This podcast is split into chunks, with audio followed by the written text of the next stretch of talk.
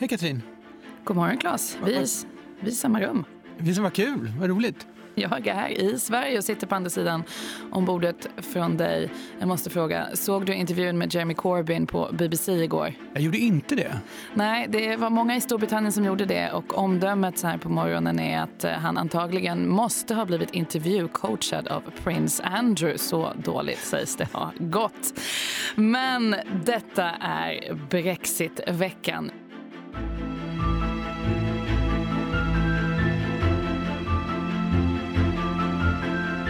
Det gick dåligt för Storbritanniens oppositionsledare Jeremy Corbyn igår i en omtalad intervju med Andrew Neil på BBC. Men är han inte alltid rätt usel, höll jag på att säga, men är han inte så medial? Han, ja, det där är svårt. Det är ju väldigt många som tycker att han är väldigt bra, de som stöder Corbyn. Och eh, man kan ju ifrågasätta hur stor påverkan den här typen av stora grillningar i nationell tv faktiskt har på valrörelser fortfarande. Eh, de flesta kommer bara se små klipp av det här och eh, de som stöder Jeremy Corbyn tenderar att i sina sociala medier-flöden se de få klipp som nu Labourpartiet klipper ut där Jeremy Corbyn framstod som att han hade eh, svar på Andrew Neils frågor och de som är emot Jeremy Corbyn kommer få se klipp där Jeremy Corbyn fumlar och svamlar. Så att, jag vet inte. Och det var skattepolitiken som han fallerade på här. Ja, bland annat skattepolitiken. Det handlade också om den här antisemitismfrågan. Labour har ju fått mycket kritik för ehm, att man har haft svårt att hantera antisemitism bland aktivister och eh, politiker inom Labourpartiet. Men det var också skattepolitiken, Labours valmanifest, stora skattehöjningar. De har ju sagt att det här främst skulle betalas, eller det här skulle bara betalas av de som tjänar mer än 80 000 pund om året. Och det visar sig att det är inte riktigt så. Och Jeremy Corbyn hade väldigt svårt att svara på de här frågorna kring skattepolitiken och vem som egentligen kommer få sin skatt höjd i Storbritannien om han blir premiärminister. Men Johnson famlade också lite grann i skattefrågan. I- Freebasade mer eller mindre kring potentiell skattepolitik, eh, lät det som för några veckor sedan. Ja, det har ju funnits fler så att säga, intervjuer där det har varit oklarheter kring, kring det här. absolut. Men eh, kolla på Jeremy Corbyns intervju. Den är, ja, det, är en, det är en upplevelse, bara rent i... Brittisk politik fortsätter att vara u- underhållande. Ja, precis, precis. Men det är som sagt det är svårt att eh, veta riktigt vad som, vad som pågår i valrörelsen nu för tiden. Jag kan tycka att eh, det är som att eh, valrörelsen har liksom flyttats bort från mainstream media och eh, den sker i olika typer av sociala mediekanaler och det är där det egentligen händer. Men som journalist, om man ska bevaka det här så är det svårt att få tillgång till det. Och det är mycket möjligt att man genom att se BBC och lägga stor vikt på till exempel en sån här intervju som den i, igår faktiskt missar vad som, vad som egentligen sker ute i den riktiga kampanjen som mest det i social media och på gatorna. Ja, och det för oss in på just opinionsläget för att det är ju fortfarande tydlig övervikt för, eh, för de konservativa som ju fortsätter att öka i opinionen. Brexitpartiet som ju delvis har lämnat walkover inom vissa valdistrikt åtminstone, de fortsätter att sjunka. Även Liberaldemokraterna tickar ju ner, Labour lite upp, men det är ju ändå ett avstånd på en 13 procentenheter mellan de konservativa och Labour. Och de beräkningar jag har sett i alla fall som räknar på just valdistrikt, de säger att det är en övervikt på 30-40 mandat eh, för de konservativa i parlamentet alltså. Men du är fortfarande inte helt övertygad? Nej, det är för att jag har bevakat brittiska val förr och vet att väldigt mycket kan hända i kampanjen.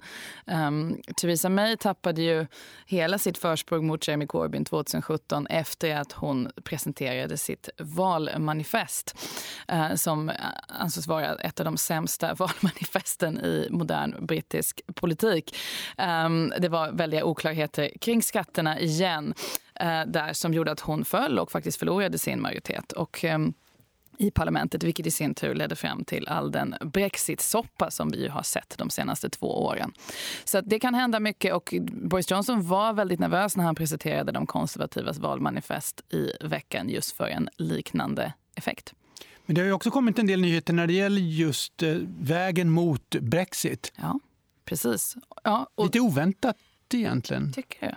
Ja, vi, Jag antar att du syftar på om man då när läser de konservativas valmanifest som Boris Johnson då presenterade i veckan. Då är faktiskt det här hotet om en hård Brexit eh, tillbaka, eller hur? Ja, det får man ju säga. Ja, för Boris Johnson säger, i det, eller Boris Johnson säger, de konservativa säger i det här annars väldigt försiktiga valmanifestet, i alla fall ekonomiskt, att den här övergångsperioden som då finns i Boris Johnsons brexitavtal, han hoppas ju att Storbritannien ska kunna lämna EU officiellt i slutet av januari nästa år om han vinner det här valet. Då är det en övergångsperiod till slutet av det här året. Och han säger i valmanifestet att Storbritannien under absolut inga förutsättningar kommer att förlänga den här övergångsperioden. Och det här innebär i sin tur att Storbritannien därmed har bara 11 månader på sig att förhandla fram ett nytt handelsavtal med EU. Och kan man förhandla fram ett handelsavtal på bara 11 månader, Claes? Alltså, det, det, skulle ju vara ett fenomenalt rekord. Vi kan titta på listan över tidigare handelsavtal som EU har förhandlat fram. och Då tog till exempel avtal med både Japan och Kanada fem år. Och eh, med Sydkorea lyckades man förvisso kortare men det tog med eh, Sydamerikas tullunion Mercosur tog det 20 år. Och här kan man tycka att eh, Storbritannien och EU förvisso känner varandra men det kan man ju ha argumenterat för när det gäller själva brexitavtalet också. Det har ju blivit otroligt segdraget. Så att det känns som att 11 månader är väl att betrakta som omöjligt. Precis, ja, och då är vi tillbaka i den här diskussionen om en hård brexit och en ny härlig eh, ja, rädsla för om Storbritannien, som det då hette, kommer krascha ut ur EU utan ett avtal. Den diskussion vi hade i höstas, men i december nästa år. Hurra! Ja, jag tycker att Johnson, apropå att det var lite oväntat, han skapar sig ett onödigt problem här. Men, men det är utifrån som jag ser läget, jag sitter inte liksom på marken i Storbritannien, men just att är det här verkligen en, en, fråga man behöver få in i valkampanjen? Exakt hur det där nästa datumet ska se ut. Man kan väl säga att ambitionen är eller att vi kommer att, men just att eh, binda sig vid masten här kring när man de facto kommer att vara klar med avtalet.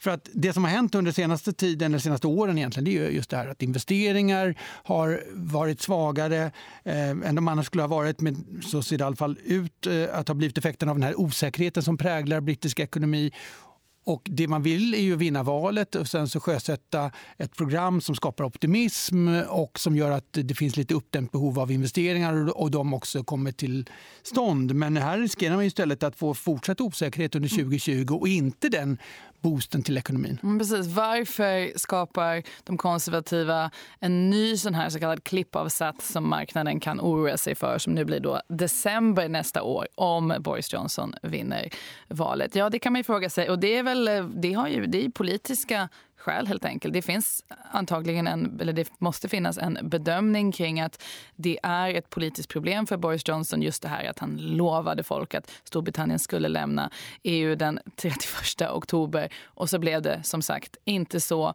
och många litar inte på honom. Brexitpartiet är fortfarande ett hot. Brexitpartiets retorik är fortfarande ett hot.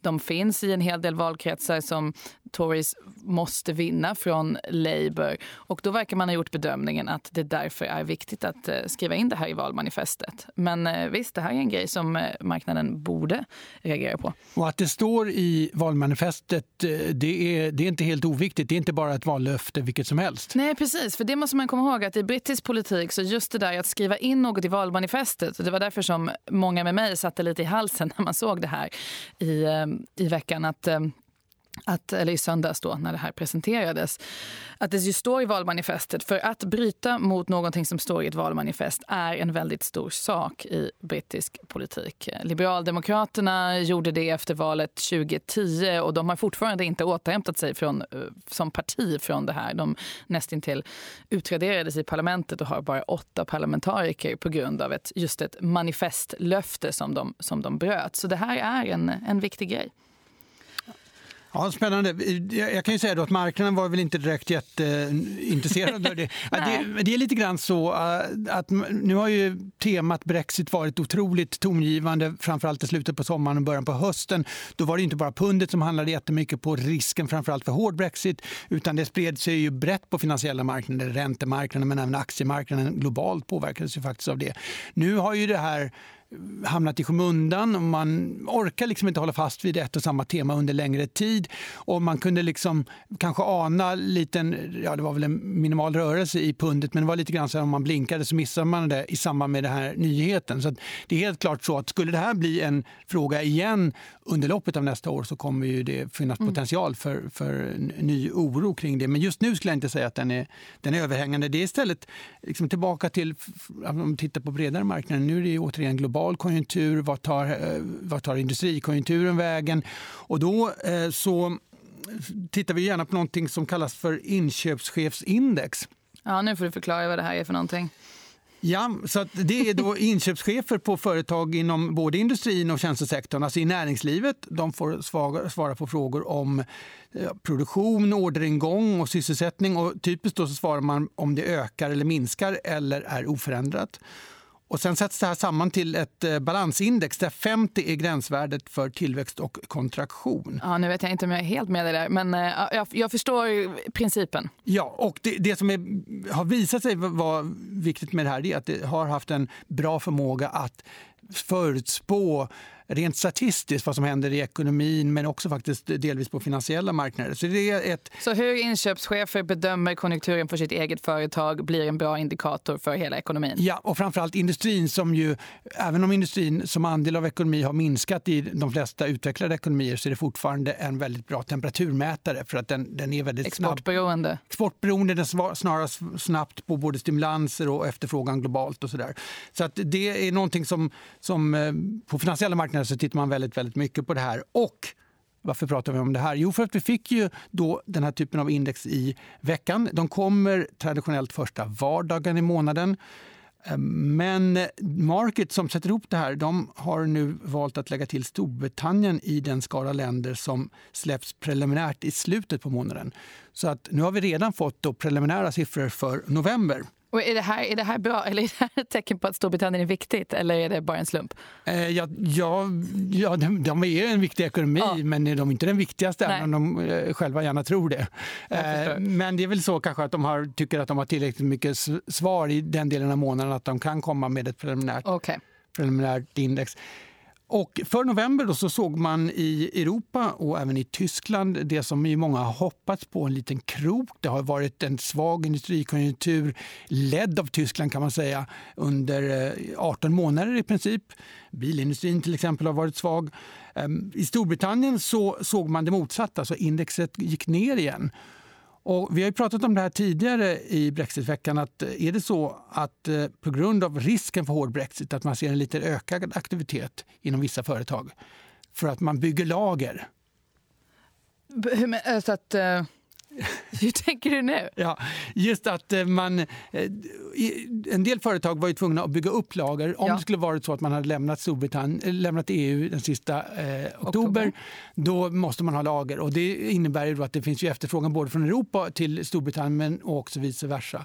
Eh, som kan innebära, innebära, att man har ökat produktionen inför en potentiell hård brexit ah. i sista, okt sista oktober. Och det i så fall skulle innebära att när den inte ägde rum så har man inte samma behov längre av att ha den produktionstakten. Och då så skulle det också Just det, så det här är också ett tecken på det här att man har slappnat av kring risken om hård brexit. Ja, men med den lite oväntade effekten möjligtvis då, det här är lite tentativt, men att det skulle kunna innebära faktiskt svagare ekonomi direkt efter och att den har liksom gett en en speciell boost till aktiviteten. Mm, intressant, intressant. Men nu då är alltså slutsatsen att eh, risken för hård brexit då kan komma tillbaka nästa år. I så fall skulle man se något liknande nästa höst framförallt. Inte... Men, men skulle man inte kunna ifrågasätta om den hårda brexiten i slutet av nästa år faktiskt kommer bli så hård som den man var rädd för nu i år? För ett företag kommer ju ha betydligt längre på sig att förbereda sig i så fall. Absolut, och det, är, det, kunde man faktiskt säga även om den 31 oktober. Hade det skett en hård brexit i slutet på mars, som ju var första datumet. Då hade det varit illa. Då hade det varit fullständig katastrof, för det mm. fanns det ju ingen som var beredd på. Mm. Nu i slutet på oktober som sagt, så det är många som har vetat att det här måste man i alla fall ha en väg ut ur. Mm. Och slutet på nästa år får man, som du säger, antagligen förmoda att det skulle bli ännu mildare. Ja. Ja, helt enkelt. Vi, eh, vi får fortsätta att följa detta i Brexitveckan som är podden som du har lyssnat på. Jag heter Katrin Marsall. Och jag heter Claes Måhlén.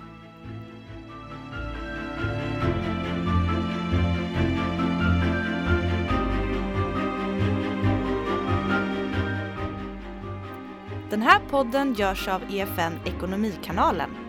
Ansvarig utgivare är Anna Fagerström. Gillar du vad du hör? Dela gärna podden med vänner och bekanta samt betygsätt den på iTunes.